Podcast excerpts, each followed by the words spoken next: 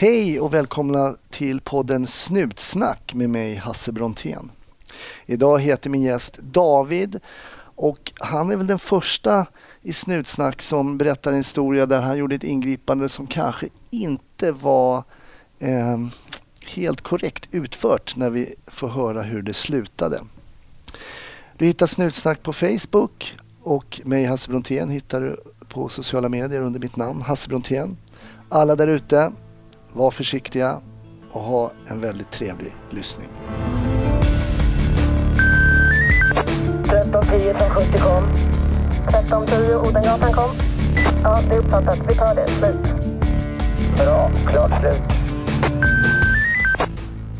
Välkommen till Snutsnack David. Tack! Eh, jätteroligt att eh, jag får ha dig som gäst och eh, jag har ju mm, Stalkat är väl eh, kanske ett starkt ord, men vi träffades på gymmet eh, i, eh, ute i Värmdö för någon vecka sedan och så tänkte jag men David skulle ju vara en perfekt gäst och eh, därför har jag varit på det lite. Och nu hugger jag dig och gör första eh, avsnittet av Snutsnatt på Polishuset i Kungsholmen. Ja, välkommen till Norrmalm. Det låter jättekonstigt att du säger så för mig. Du säger välkommen till Norrmalm, men vi är ju på Kungsholmen. Ja, men det stämmer. Det är, det är konstigt och det är konstigt för oss också. Ja. Det här har ju historiska förklaringar eh, som inte är helt logiska, vilket mycket är inom polisen, så att säga. Alltså ologiskt. Ja. Nej, men från början så var ju polisen i Stockholm indelad i en massa polisdistrikt. Mm. Och det var ju vaktdistrikt om man går ännu längre tillbaka i tiden. Eh, utifrån egentligen församlingarna tror jag. Klara och Högalid och allt det där. Mm. Sen så blev det polisdistrikt och då var Norrmalm ett polisdistrikt som låg på Norrmalm också. Eh, med polisstation på Bryggargatan eh, nere vid centralstationen. Sen så skedde det omorganisationer och i samband med det så eh, skulle också de byggnaderna nere vid Vasagatan skulle utrymmas. Vi skulle inte använda de lokalerna längre utan då flyttades helt enkelt polisen Norrmalm till stora polishuset som ligger på Kungsholmen. Just det. Och därför så ligger Norrmalmspolisen på Kungsholmen nu. Ja, det, det är någonting som jag tycker är roligt med det. Men... Ja men så är det. Ja. Och lokalpolisområdet Norrmalm det omfattar ju då både Kungsholmen, Norrmalm, Vasastan, Östermalm och Lidingö. Just det. Mm. Men hur länge har du jobbat som polis? Sen 91 började 91, vi, man brukar ju säga att man börjar som polis när man börjar polishögskolan. På den tiden fick vi betalt också, då blev vi anställda. Så Mm. bra har de det inte nu. Det var bra tider. Ja, Var det, det var, för mig var det absolut en eh, anledning till varför man sökte. Att just att det var en betald, man, fick, alltså, man blev anställd och fick betalt när man pluggade. Hur mycket på, påverkade det för dig? Mycket, för jag, eh, jag pluggade på universitet, jag skulle bli samhällsplanerare.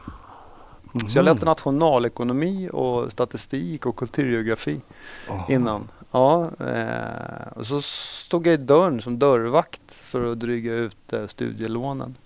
Och där var det en, en eh, kollega som sa han ville bli polis. Var liksom att förklara, och då fick jag förklart för mig att det var ju gratis utbildning.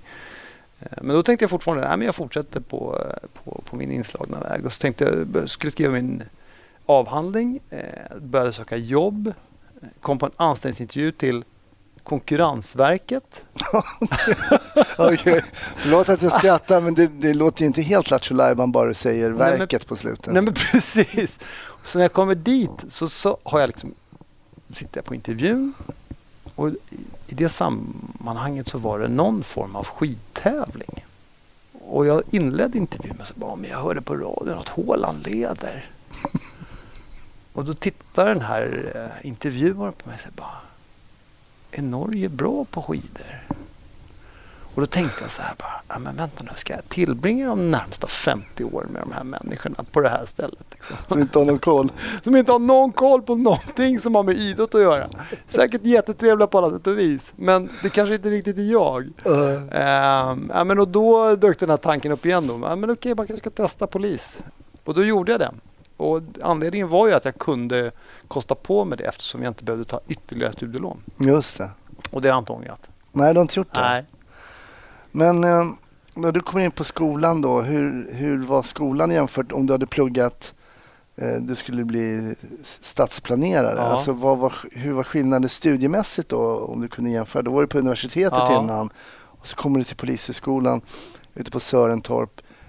Vad reagerade du på där? Fanns det några skillnader som var tydliga på något sätt? Ja men det var det ju. Jag, jag tänkte ju ofta liksom, att det kändes som att jag var förflyttad tillbaka till högstadiet ungefär. Liksom rent studieteknikmässigt och det här med klasser och liknande. Det påminner ju mer om, kanske inte högstadiet, men åtminstone gymnasiet. Ja, ja. Eh, och den här, det här eh, självständiga studierna och ansvaret som man då måste ta på, på universitetet. Eh, det fanns ju inte alls på samma sätt på Nej. Polishögskolan. Eh, Så det var en skillnad naturligtvis. Eh, Men det var en bra utbildning tycker jag och det, det förberedde oss väl för, teoretiskt för det jobbet vi skulle göra. Men vi gör ett hantverk, det ska man inte glömma bort. Och man kan sitta bakom en skolbänk hur länge som helst men det är ändå ett hantverk och det är mötet med människor som är det som gör polisyrket. Det är lite som att man, man behöver liksom sentid, lite som om man jämför med mitt yrke som komiker också. Man måste liksom vara Mm. Uppe på scenen för att få um, riktigt mycket kött på benen. Är det så? Så är det. Alltså det är mängdträning som behövs helt enkelt. Det är det som gör en bra. Mötet med människor och, och nyfikenheten och intresset för människor. Man måste tycka om människor. Inte bara säga det på intervjun, för det är många som gör det. Liksom. Mm, man vet. Att, jag gillar att jobba med människor. Eh, Mm. För det är nog man läst att man ska säga. Ja. Men man måste tycka det på riktigt på något sätt. Mm. Eh, även människor som inte är trevliga på något sätt måste man inte ändå t- ha någon slags fascination för. Ja, det, det tror jag du har rätt i. Vad som är intressant då, för du började jobba sen på Norrmalmspolisen och där befinner jag mig också då vid den här tiden för jag eh, gick ju polisskolan några år innan det, jag gick i 88. Och då började man att sätta upp det fanns en gammal eh, då, kvarterspolis hette det eh, en gång i tiden som hette Alf Ärlig. Ja. Han hade en vision om att man skulle ha en polisstation mitt på Plattan. Vilket, eh, för han tyckte där är det mycket brottslighet och där ska vi verkligen synas och finnas och så. Vilket är en väldigt sund tanke. Ja. Så de satte ju vid ett tillfälle upp en sån friggebod mitt på Plattan. Och jag tror det brann upp första natten va? Jag tror du också. Men det var liksom en markering att eh, jättekul med poliser här men eh, vi bränner ner det. Mm. Eh, Men han gav liksom inte upp det där eh, idén. Så han startade upp något som heter Citygruppen sen. Just det. Och för er lyssnare som kommer ihåg så fanns det på mm, i vänthallen på T-centralen Norra så fanns det en liten, liten polisstation under en tid. Och där började jag jobba och dit kom du också sen. Ja, där korsades våra vägar första gången. Ja, Ja, det var första gången vi liksom... Sen har vi jobbat ihop vid några fler tillfällen. Precis. Och du hade en följeslagare som heter Patrik eh, som man uppfattade som väldigt ambitiösa och ehm, duktiga poliser. Varför ville du komma ner och jobba där på, på Plattan? För vad vi gjorde där var att vi fotpatrullerade bara. Ja. Vi bara fotpatrullerade kring Plattan och vi hade vår lilla station där precis vid Plattan. Och sen gick vi bara omkring Ja. i uniform och pratade med folk och grep folk och sånt. Men varför ville du jobba där? Nej, men jag, tror att jag, jag tror att jag var en liten udda fågel inom polisen. Ehm, på Polishögskolan, så, på den tiden i alla fall, så var de flesta var antingen före detta militärer eller som det hette på den tiden ABAB-vakter. Eh, det var, de, det var liksom huvudsakliga rekryteringsbasen för polisen. Mm. Så upplevde jag det i alla fall. Mm. Jag som kommer ifrån, hade pluggat på universitet, dessutom gjort vapenfri tjänst, var ju en riktigt udda fågel. Just det. Eh, så. Eh, så att när jag kom till Norrmalm så eh, fortsatte lite grann den där känslan av att nej, men jag är inte riktigt som alla andra här. Liksom. Och det är ju den här eh, ibland lite åt militäriska hållet som finns liksom inom turlagen på Norrmalm. Där passade inte jag riktigt in. Liksom. Jag hade kanske lite andra tankar och värderingar. Mm. Och då var Alf ärlig. Han erbjöd ett alternativ. Eh, jag tror att jag är ganska självständig. Jag gillar liksom att ta egna initiativ och jag gillar att, att liksom få ett eget ansvar. Och det fick vi under Affe. Affe var ju på ett sätt ganska speciell och en, som ledare för att eh, han gjorde ju inte speciellt mycket jobb där nere. Det som han gjorde det var att han kom ner där och så la han armarna runt oss och så sa han att ja, ni är Sveriges bästa poliser. Och till alla som kom runt så sa han det också. Ja, det här är Sveriges duktigaste poliser. Det här är tuffaste stället att jobba på i hela Sverige. Det kanske inte stämde, men det gjorde i alla fall att vi växte. Och, att Det vi, gjorde vi. och vi fick ett, en enorm frihet. Liksom. Och det där tilltalades jag av. Vi fick ett eget uppdrag och så fick vi köra bara. Mm. Jag, var ju med när vi startade upp den här gruppen och det var ju väldigt noga då att vi inte vi skulle inte ha baseballkepsar om vi gick civilt för det fanns ju någonting som Mm. Tidigare på Normand som har gått under namnet till exempel Baseballligan. Ja. Men vi kände oss nästan lite förnärmade när, när, för vi var ju också den, nya generationen tyckte vi. Vi var inga sådana baseballligekillar. Ja, men precis. Men sen det är fantastiskt med Alf Ärlig där, den här, eh, för att beskriva honom då, en äldre polis med stort skägg och, och ja, han gjorde inte många knop rent polisiärt, men han visade vikten av en bra chef precis. som verkligen höll oss och, och han pushade oss hela tiden. Han sa, när ni tar narkotikaöverlåtelser i uniform så bjuder jag på glass. Och han, han, eh, han skickade ut oss unga poliser på, och, och sen han litade på oss, vilket Ja, jag Och backade oss hela ja, tiden. inte kände från Nej. andra chefer och det var en fantastisk känsla. Sen har vi haft sådana återträffar med Affe också. När, för det var ju många som kom efter Ja. oss också ner dit. Vad tror du det gav dig som, när vi pratar om sentid och arbetstimmar, vad tror du den tiden som fotpatrullerande polis på Plattan gav dig erfarenhetsmässigt? Och vad, vad gjorde det för ditt, din yrkesroll? Ja, men, eh, jag har tänkt på det där mycket och jag, jag tror ju eh, att den mängd träning som man fick där, alltså det antal ingripanden och det antal människor som man pratar med där eh, skulle jag inte kunna fått på fem år någon annanstans. Alltså hela tiden stå mitt i den där pulsen med det här enorma flödet av människor av alla slag. Eh, människor kommer fram till en och skriker ja, nu har de kört över någon på tunnelbanan eller ja, nu är det någon som har dött inne på toaletten eller ja, nu slåss de där eller Mm. ta honom, han har snott min eh, handväska eller vad det än må vara. Liksom. Mm. Eh, hela, hela tiden. Jag vet att ett år så, vår lilla, lilla grupp där, vi tog över 100 efterlysta personer. Mm. Eh, mer än vad resten av hela Norrmalmspolisen gjorde det året. Och jag vet ju att vi förde i alla fall en loggbok. Fortsatte ni med den loggen också? För vi hade alltså då en, vad kan man säga, en egen liten logg Ja, som vi förde analogt i en bok. en liggare. En liggare Ja. där vi skrev efterlysta, Ja. narkotikabrott. Vi förde allt. Jag undrar vad den boken är idag. Alltså. Precis. Men det var ju lite grann ett sätt för oss att berättiga vår existens. För ibland så utsattes vi för ganska mycket kritik där de tyckte liksom att de, vad gör de där, där nere på plattan? Liksom, de byter om på Norrmalm och sen försvinner de. Liksom. Sen vet vi inte vad de gör. Eh, men jag tror att vi, eh, vi bar vår egen vikt så att säga, helt klart och mer därtill. Och vad som är intressant eh, när jag tänker tillbaks på den tiden när man gick där nere då och gick i uniform att många har ju då, eller hade i alla fall och har väl det idag också, plattan som vardagsrum mer eller mindre. Så man var där och hängde med sina kompisar. Och, och det var ju att vi var ju också där. Så de benämnde ju oss med namn. Det var inte så att de, de ropade ju faktiskt Hasse, Ja. Anders eller David liksom när det var någonting. Och bad om hjälp. Eh, trots att man då var kanske inne i missbrukssväng eller, eller någonting sånt där. Så det, det, blev en, det blev en bubbla där man levde i som eh, Någon slags symbios. symbios med de här kriminella och Ja. missbrukarna och sånt där. Och där vi på något sätt accepterade att vi Ja. fanns i, den här, eh, i den här bubblan tillsammans. Ja, Nej, men jag kommer så väl ihåg det där också. Jag kommer ihåg att det fanns ju, på den tiden fanns det ju ganska mycket äldre prostituerade kvinnor uppe på Marknadsgatan och det var ju också vårt område. Så att. Mm, mm. Kommer så väl ihåg, det var en vinter när det var jättekallt och vi hade, på den tiden hade vi de här gamla skinnpajarna som var bekanta. De var inte speciellt ändamålsenliga på något sätt men de var balla. De var ju kalla. ja. kalla.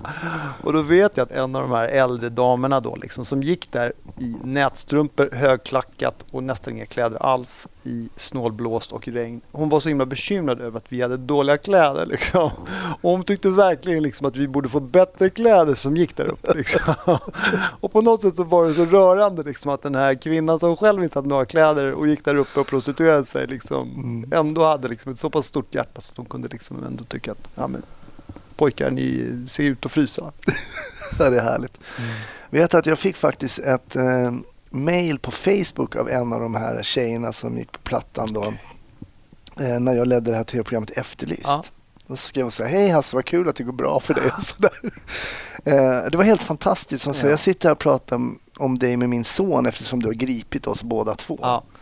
Hur det än var, det slutade med att jag mejlade henne och hon blev gäst i Efterlyst. Så vi åkte ner till Plattan så här 20 år senare och träffades där Ja. och gjorde ett litet reportage och hon fick berätta om den tiden då där hon så att säga jäckade oss. Så att, eh, och det visar ju det här mänskliga på något sätt, att man ändå kan mötas över att man står Ja. på ena eller andra sidan stängslet så att säga. Och det, är, det är ju kanske några av de finaste stunderna som vi har som poliser. Liksom just där man känner att man kanske har gjort lite skillnad för några av de här människorna. Mm. Jag har ju bett dig också att um, när vi var där på gymmet så sa jag det att ja, men, jag ber mina gäster att berätta en historia Ja. alltså, som liksom kommer så lite top of mind om Ja. man säger har du någonting som har berört dig under din, Mm.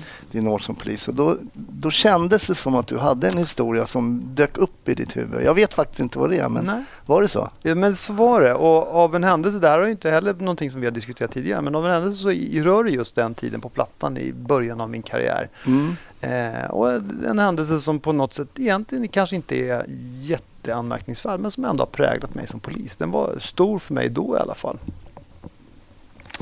Eh, och det här hände som sagt när jag jobbade nere på Plattan och i den miljön. Och där gick vi som du har berättat och fotpatrullerade eh, alla veckans dagar och på kvällar och nätter också. Och, och vid det här tillfället så, så var jag och en kollega, det var inte Patrik den här gången, men det var en annan kollega eh, och jag som, som jobbade där nere. Och vi utgick mycket från den här centralhallen, T-centralens centralhall, där var vi mycket.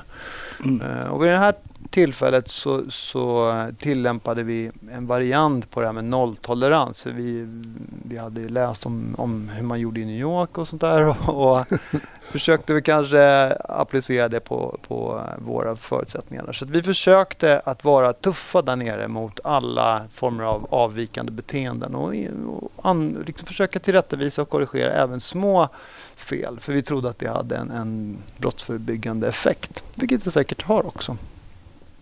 Men i alla fall, det här var en, en, en tidig kväll. Eh, jag vet inte vilken veckodag det var. Eh, och vi står där och, i centralhallen och så ser vi att det kommer upp ett ganska stort sällskap med mina fördomar säger mig att det var ett gäng hantverkare som hade varit ute och tagit en öl efter jobbet. Men jag vet inte. Okej. Eh, de kommer upp från tunnelbanan eh, i lite spridda skurar. Eh, en av dem går före, passerar ut genom spärrarna och står i den här hallen utanför spärrarna men innanför dörrarna så att säga. Mhm. Och röker en cigarett där inne. Det får man inte göra. Man, det är ju rökförbud där inne. Jag som ung polis då eh, tänker att ah, men det där ska vi ju stävja. Så jag tänker att jag ska gå fram och säga åt honom att släcka cigaretten. Och gör det då på det sättet som en ung polis gjorde på den tiden. Jag gick fram och sa bara du, du får släcka cigaretten, det är rökförbud där inne. Den här något förfriskade eh, hantverkaren, om vi nu eh, låtsas att han var det. Vad är det för ålder på honom? Ja men han är väl kanske i 30-årsåldern så att han, eh, han är väl kanske 10 eller 5 år äldre än mig i alla fall. Mm. Liksom. Jag kanske var i 25-årsåldern, men jag var yngre än vad han var i alla fall. Mm. Han tittar på mig lite grann och småler. Jag bara, men du skärp dig liksom. Jag väntar på mina kompisar, vi ska gå härifrån liksom. Har inget bättre att göra. Ungefär så uttrycker han sig. Mm. Eh, ja men okej, liksom, då har ju han höjt insatserna lite grann i det här då liksom. Och jag förklarar för honom, ja, men du måste släcka cigaretten, det är rökförbud här. Annars får jag avvisa dig härifrån liksom. Och han bara, men skärp dig, sluta liksom. Vad håller du på med?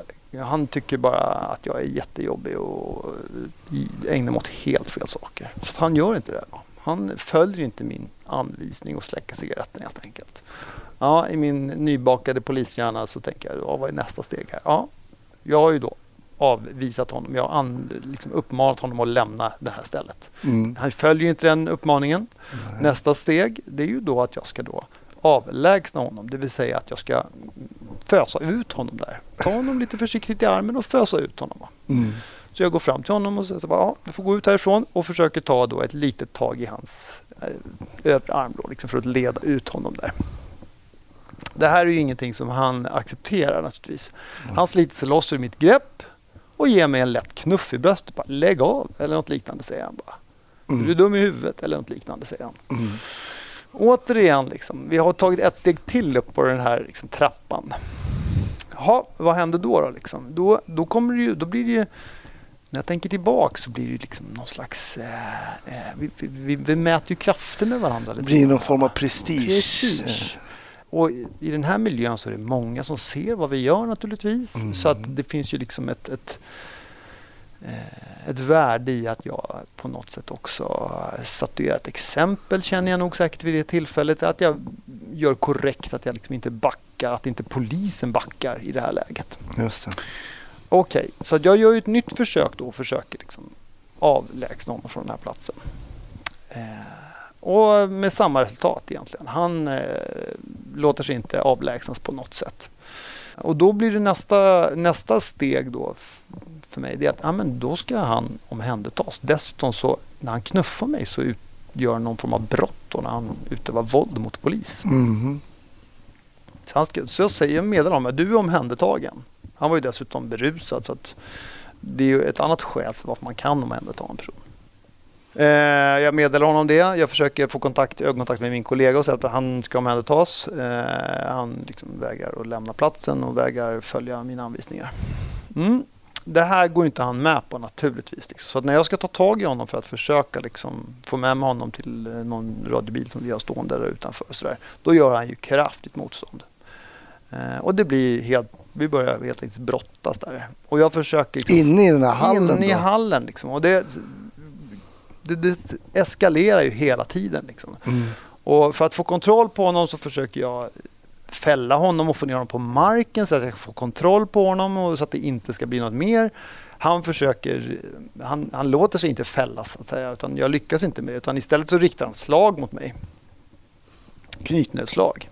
Och eh, samtidigt som det här sker så har ju då resten av sällskapet kommit närmare oss. Just det. Och Hur de, många var de ungefär? Ja, men de var väl en sex stycken kanske totalt, mm. sex, sju stycken.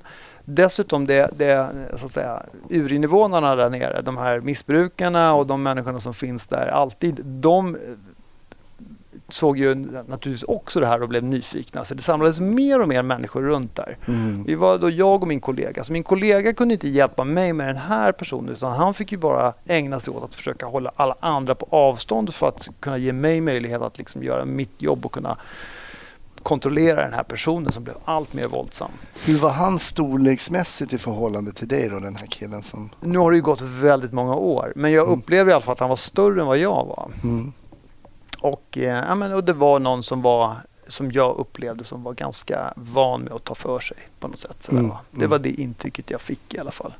Han var inte rädd för mig. Han, han hade ingen respekt för ordningsmakt eller polis. Det var ingenting som imponerade på honom på något nej, sätt. Nej. Eh, så jag, jag ser och jag känner hur han, han börjar liksom veva mot mig och börjar rikta slag mot mig. Eh, jag hade Förr i tiden så hade vi de här gamla vita batongerna och när man gick och fotboll, de var ganska tunga. Samtidigt så vistades vi i tunnelbanan och där behövde vi ficklampor och på den tiden fanns inte de här små snygga ficklamporna utan då fanns det stora Maglight ficklampor. Och ofta så valde det ena eller det andra mest för att man kunde inte ha hur mycket grejer som helst. Så jag mm. hade den här ficklampan och ingen batong med mig. Så jag drar upp den här batongen och försöker... På något... ficklampan? Eller ficklampan, precis. Mm. Tack. Och jag blir ju mer och mer liksom desperat här för att försöka få kontroll på honom. Jag försöker skrika åt honom att lägg dig ner och lugna ner dig och sådär. Men det hjälper inte i det här läget så har vi passerat det stadiet. Han slår mot mig. Jag försöker rikta ett slag mot hans arm. Det där, den där armen, den, eller slaget, det bara kanar av hans överarm. Det får ingen, ingen effekt. Jag försöker slå en gång till.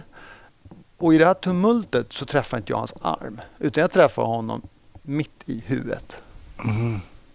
Jag håller i honom med ena handen och har slagit med den andra handen. Och jag ser hur hans blick blir glasartad. Och så ser jag hur en rännil av blod rinner ner från hårfästet, ner eh, förbi mellan ögonen och ner mot munnen. Och så känner jag hur han blir alldeles slapp i kroppen. Mm. Och jag tänker bara, nu har jag slagit ihjäl honom. Oh, Samtidigt så blir det ju totalt kaos inne i den här biljetthallen. Och jag vet inte hur många människor är där, men åtminstone så rör det sig om 30-40 personer som är samlade i vår direkta närhet. Vi larmar på våra radioapparater. Ja, på den tiden så, så fanns det ganska mycket uniformerad personal i, i omlopp i stan så att det gick ganska fort att få hjälp då. Eh, vi försökte freda oss själva. Jag försökte få någon kontroll över vad är det för status på den här människan. Eh, Har den här mannen dött eller andas han än? Han, han var vid medvetande men knappt. Var träffade ficklampan? Du slår honom, du håller honom I en... pannan. Rätt i pannan I alltså. pannan, i, Rätt i pannan. Ja, eller någonstans eh, högt upp på huvudet i alla fall. Mm. Eh, och det här blodet rann ju. Jag ser det här framför mig fortfarande hur det här blodet rinner ner i pannan och genom ögat och sen ner mot munnen. Då. Eh, och hans vänner blir naturligtvis helt vansinniga och påeldade då av, av många av de andra våra antagonisterna. Då. Sen så när vi har larmat och vi har meddelat vart vi är någonstans så, så hör vi hur sirener hörs och vi, vi hör ju att det kommer poliser. Det kommer tunnelbanepoliser. Jag tror att det kommer två piketbussar.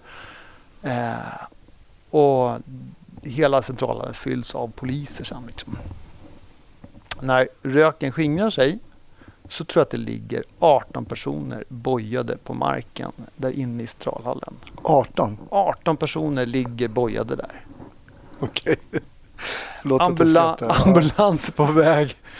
Eh, kommer och hämtar då den här eh, mannen som är slagen. Då. Mm. Men de andra, alltså nu måste jag ju ställa en, en följdfråga här, men de andra 17, Ja, har de också bråkat med polis då? Eller? de, ja, precis. De, det börjar ju med att de liksom försöker komma åt oss då, Mm. mig och min kollega. Och sen när de övriga poliserna kommer så blir det ju liksom skärmytslingar överallt i centralhallen Mhm. med anledning av det här. Då, liksom, när de försöker eh, återupprätta ordning där ne- nere så att säga. Oj.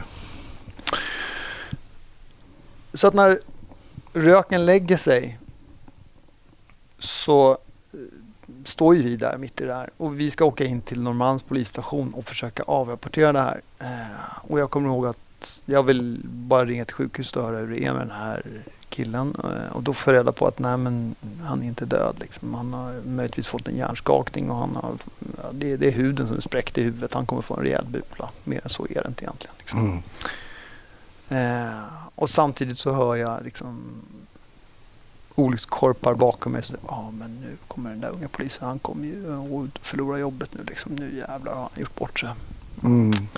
Så där sitter vi och avrapporterar. Men nu i efterhand så kan man ju säga så här att en cigarett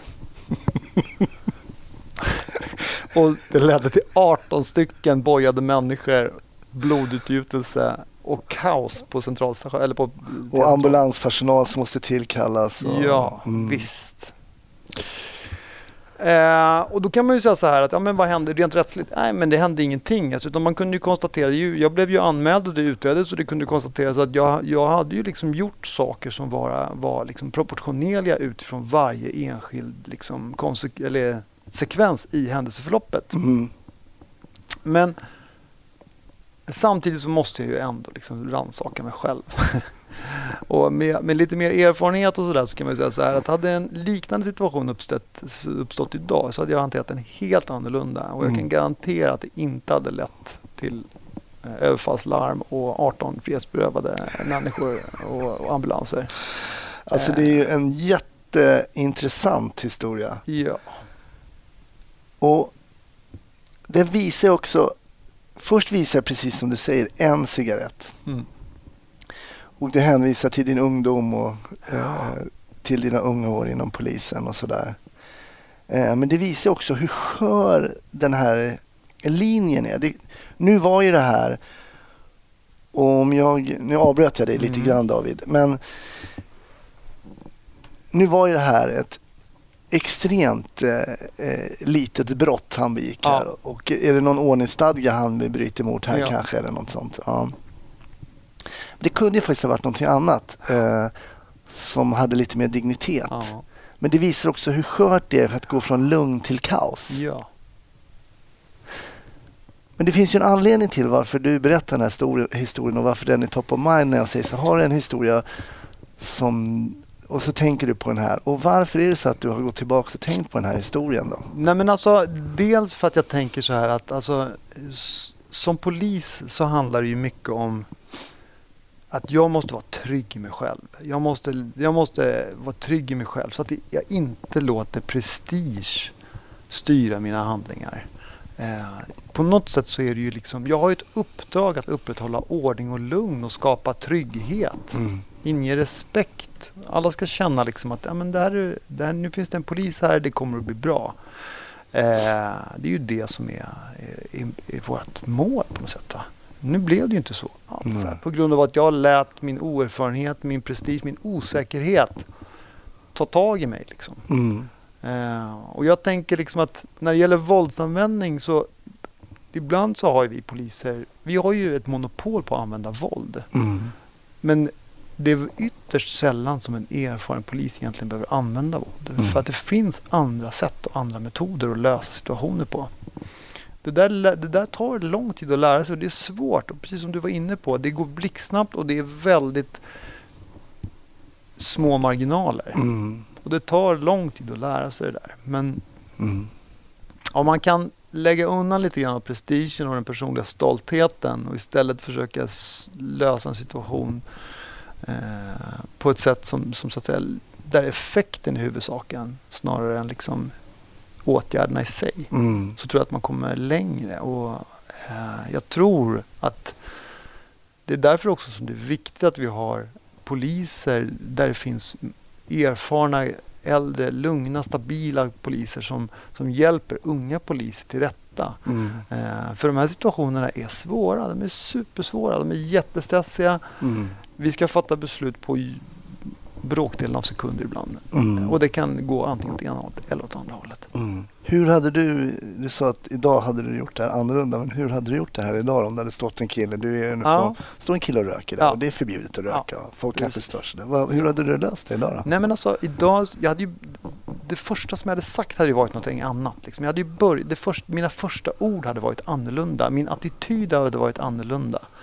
Jag hade ju på något sätt börjat med liksom, att försöka förklara liksom, okej, tjena, hur är läget? Liksom. Eh, vet om att det är rökförbud där? Eller Nej, det vet jag inte. Liksom. Då får man ju liksom en reaktion på det. Ja, jag ser att ni har kul. Ni har varit ute på fest. Liksom. Ja, vad roligt. Liksom. Jag hoppas att ni har en jättetrevlig kväll. Men ni förstår liksom att det finns vissa regler. Det finns allergiker här inne. Eh, jag hoppas att du förstår liksom att vi behöver visa lite hänsyn för varandra. Skulle det vara okej om du går ut och röker och så kan du vänta på dina kompisar där ute? Funkar det eller? Mm. Eh, skulle jag haft en sån ingång Mm. istället för den här auktoritära stilen som jag kanske började med då. Då kanske jag hade fått ett annat bemötande. Jag hade Mm. fortfarande haft möjlighet att växla upp om det hade behövts, men jag tror inte att det hade behövts. De flesta människor är mottagliga för vänlighet och logik. Mm. Det där, jag tycker det här är en jätte, jätteintressant historia. Därför det jag märkte när jag kom till Norrmalm, som en ganska spenslig, eh, vad jag nu var, 22, 21, 22 år. Eh, och såg ju de här stora starka Norrmalmspoliserna och så här. Sen åkte man ut med dem. Och sen ibland märkte jag att vissa människor pratade med mig. Ja. Och jag förstod först inte varför de gjorde det. Sen kom jag på att jag har en styrka i att kunna prata Ja. med människor. Och jag sa faktiskt till en, en sån tuff polis en gång som började en konversation med vi kommer på ett jobb på en, eh, på en krog. Det har varit bråk och krogarna börjar stänga och någon har slagit någon i huvudet med en flaska eller vad det var. Och vi kommer in då, då sitter, stå, står den här misstänkte personen där och det första kollegan säger så här, säger han så här sitt ner. Och den här killen bara, nej. Ja. Sitt ner, Va- varför ska jag sitta ner? Därför jag säger att du ska sitta ner. Alltså, så kan man inte påbörja en, ett förhållande mellan två människor. Utan man kan säga så här, tja, jag heter Hasse och jobbar som polis. Vi kommer prata med dig, men vi har en tid just nu. Om du sätter det här så länge så kommer vi tillbaka till dig, eller vad som helst. Ah.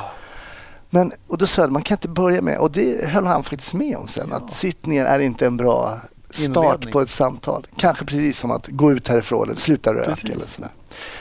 ja, men det är helt rätt. Och jag menar, det är ju bara en sån, sak, en sån avväpnande sån sak som att bara sträcka fram sin hand. Mm.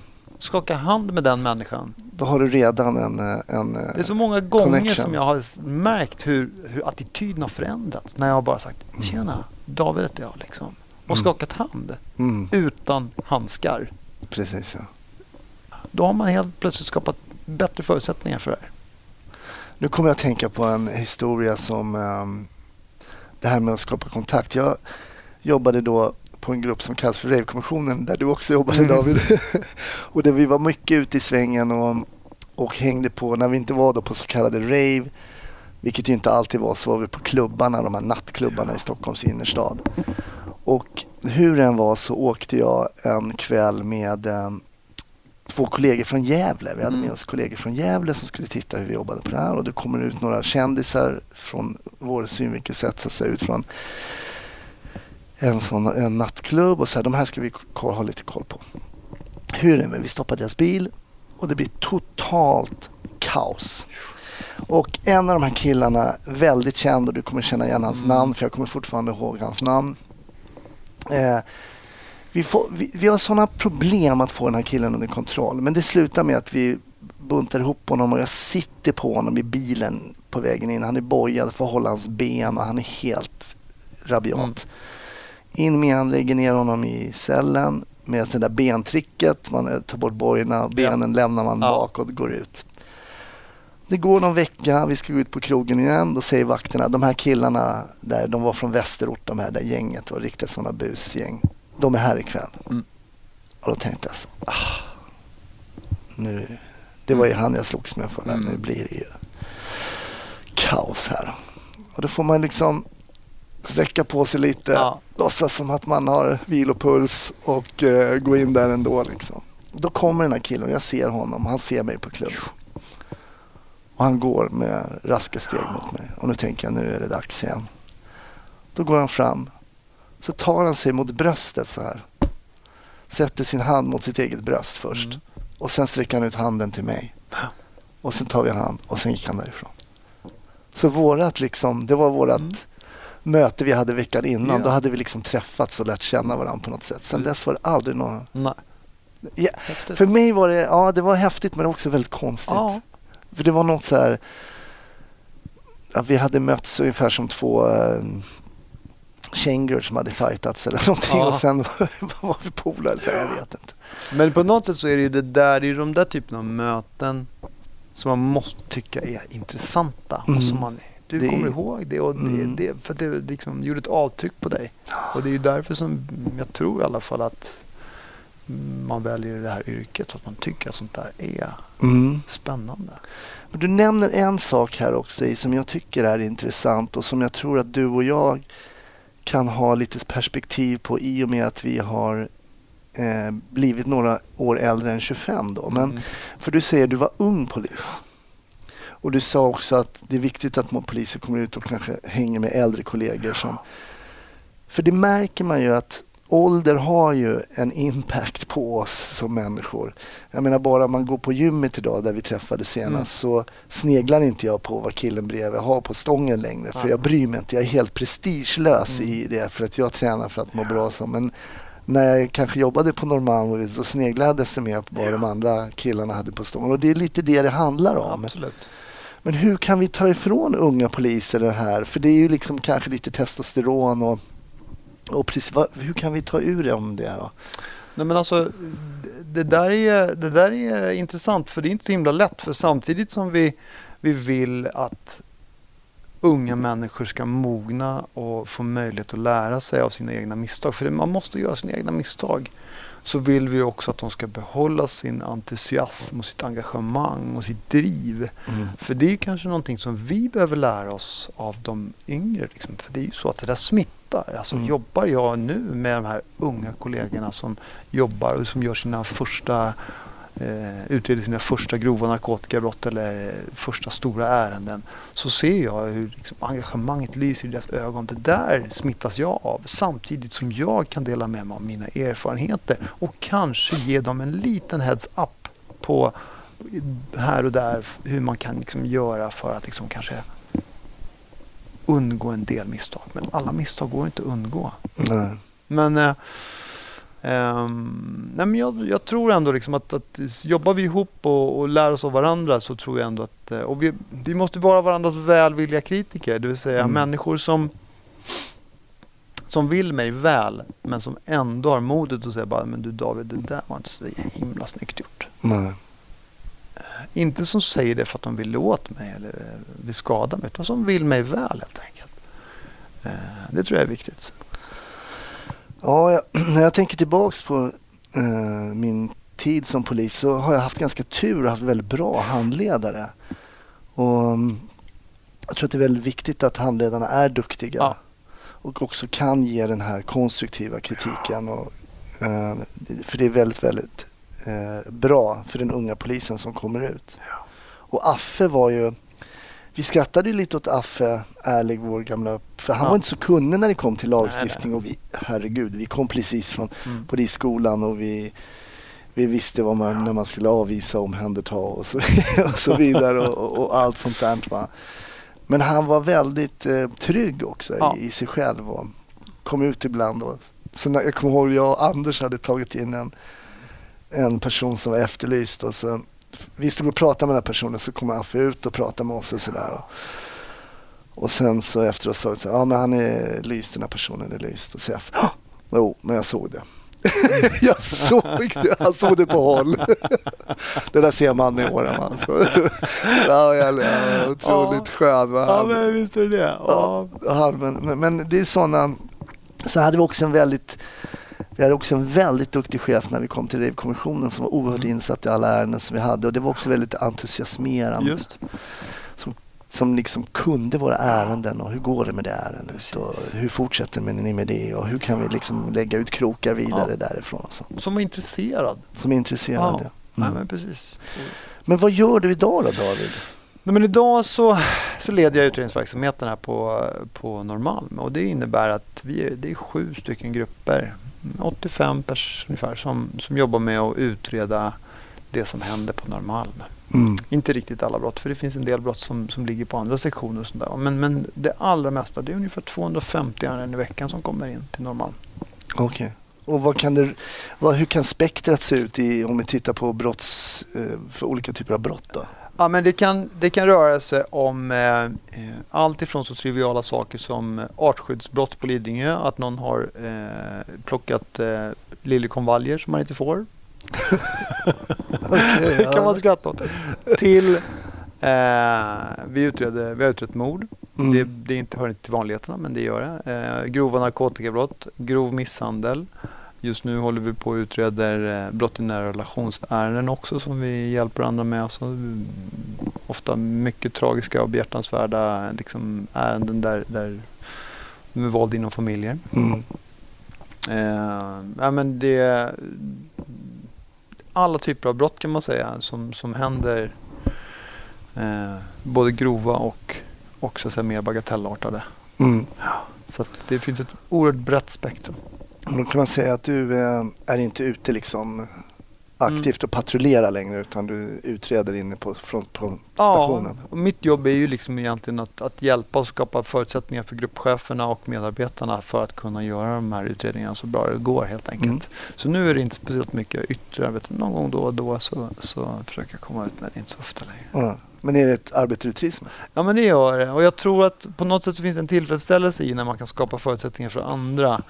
Eh, och när man kan se att, att människor trivs, att det finns en bra arbetsmiljö och vi gör ett bra jobb och det finns en stolthet över att vi gör, vi gör skillnad. Och det är det som är så häftigt med polisyrket. Alltså att när man kommer hem så kan man vara väldigt stolt över att man är en del av polisen. För polisen är en sån enormt viktig funktion i samhället. Mm. Det är vi som ska se till så att det finns grundläggande sk- skydd och att våra rättigheter tillvaratas. Mm. Eh, men ibland så, eh, man, ibland är det människor som säger att jag gillar inte poliser. Nähä. Det är ungefär som att säga jag gillar inte korv. Liksom. Alltså, det är en jävla skillnad på korv och korv. Alltså, ni sitter, står man nere på Ingarö IF och äter en sönderkokt storpakt korv så förstår jag liksom, nej men det är ingen god korv. Men om man står utanför Westfalenstadion och äter en, eh, nygrillad bratwurst så är det en helt annan sak. Det är någonting very, very special alltså. Och jag vet ju att där har vi en gemensam nämnare och det är att vi har ju tyskt blod i våra ådror. Ja, vi har tyska rötter. Eh, och eh, korven är väldigt viktig. Ja, Bara doppa den i senap Precis. med en bit bröd vid sidan Precis. om. Det är någonting fantastiskt alltså. och jag skulle nog vilja säga att de flesta svenska poliser, de är riktiga bratwurst. Ja, men det skulle jag hålla med om alltså. Det skulle jag hålla med om. Tack David och tack för att du för första gången nog i Snutsnack blottar, skulle vi nog kunna säga så här i, eh, i eh, med facit i hand, att du blottar ett misstag som du eh, nog gjorde den där Absolut. kvällen eh, nere vid T-centralen när du gick på lite hårt mot en kille som eh, eh, mot, alltså, mot rökförbudet ändå stod med en cigg i handen. Eh, som är väldigt intressant och för er blivande poliser också att ta till sig tycker jag. Hur att man kan lösa små saker på olika sätt. Och eh, utfallet kommer att bli väldigt, väldigt olika. Jag vet att du tränar, vi sågs ju på gymmet, men har du tid att, att klicka på tvn eller gå på bio eller någonting? Kollar du någonting på polisrelaterad underhållning? Nej men alltså, det gör nästan inte kan man säga. Alltså det, jag, jag, jag är ganska, vad ska man säga, okomplicerad i min filmsmak. Sådär. Ja, Min syster rekommenderade precis Den gröna cykeln. Jag har ännu inte kommit åt att titta på den. ja, okej. Eh, Den är lite för djup för mig, tror jag. eh, dum Dummare. Det, det, Nej, men, men däremot en polisfilm som jag tycker att alla ska se. Den är inte helt purfärsk, den är i lagens namn. ja. I lagens namn med Sven Wollter och eh, Stefan Sauk. Stefan Sauk. Mm. Ernst Günther tror jag är med också. Just det. Eh, den baseras ju på en av eh, Leif GW Perssons böcker. Precis. Grisfesten. Grisfesten, ja. Ja. Den är, ja, men det, är, det är ju en riktigt cool snutrulle. Ja, det är. Det var ju faktiskt på den tiden, ni som sätter på den idag kommer inte känna igen den, men då var ju polisbilarna svarta och vita. Ja. Och där kan man också se de skinnpajar som vi hade när vi började. Just det. Och till och med när jag gick på polisskolan så rullade det fortfarande sådana polisbilar. Mm. Ehm, ja, och den filmen vet jag, polisen lånade inte ut någon utrustning till den filmen Nej. för de tyckte att de ställde svensk polis i så dålig dager. Men eh, där är ju Stefan Sauk, spelar, han spelar jävligt bra i den filmen. Han spelar en bad cop. Ja. Men alltså det där är också någonting, vi måste våga, alltså det hör till vårt yrke att vara granskade, att vara ifrågasatta. Mm. Det måste vi tåla. Absolut, tror det är viktigt. Ja, jag, eh, jag håller med dig gällande den filmen och det finns faktiskt ytterligare en person som har rekommenderat den eh, tidigare i Snutsnack. Det, var Okej. Mar- det var Martin Melin. Jaha, Ja, där ser man. ja. Eh, så det tycker jag är en bra rekommendation. Eh, leta upp Snutsnack, eller vad säger jag, leta upp i Snutsnack. Det hittar ni. Men leta upp eh, i lagens namn Ja. så, så håller jag med. Kolla på den. Ja. Stort tack David Tack själv Hasse. för att du var gäst och tack för att du delade med dig av din historia. Det var värdefullt. Toppen. Tack. Tack för att du har lyssnat på ännu ett avsnitt av podden Snutsnack. Glöm inte att gilla oss på Facebook. Mig, Hasse Brontén, hittar du på sociala medier. Och ha nu en fantastiskt bra vecka så hörs vi nästa. Hej då!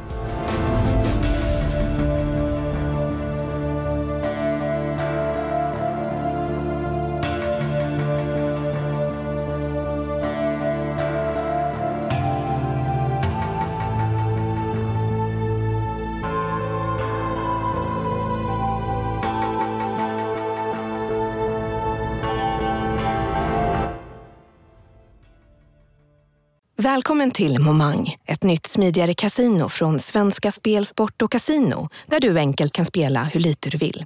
Idag har vi en stjärna från spelet Starburst här som ska berätta hur smidigt det är. Jaha, så smidigt alltså. Momang, för dig över 18 år. Stödlinjen.se.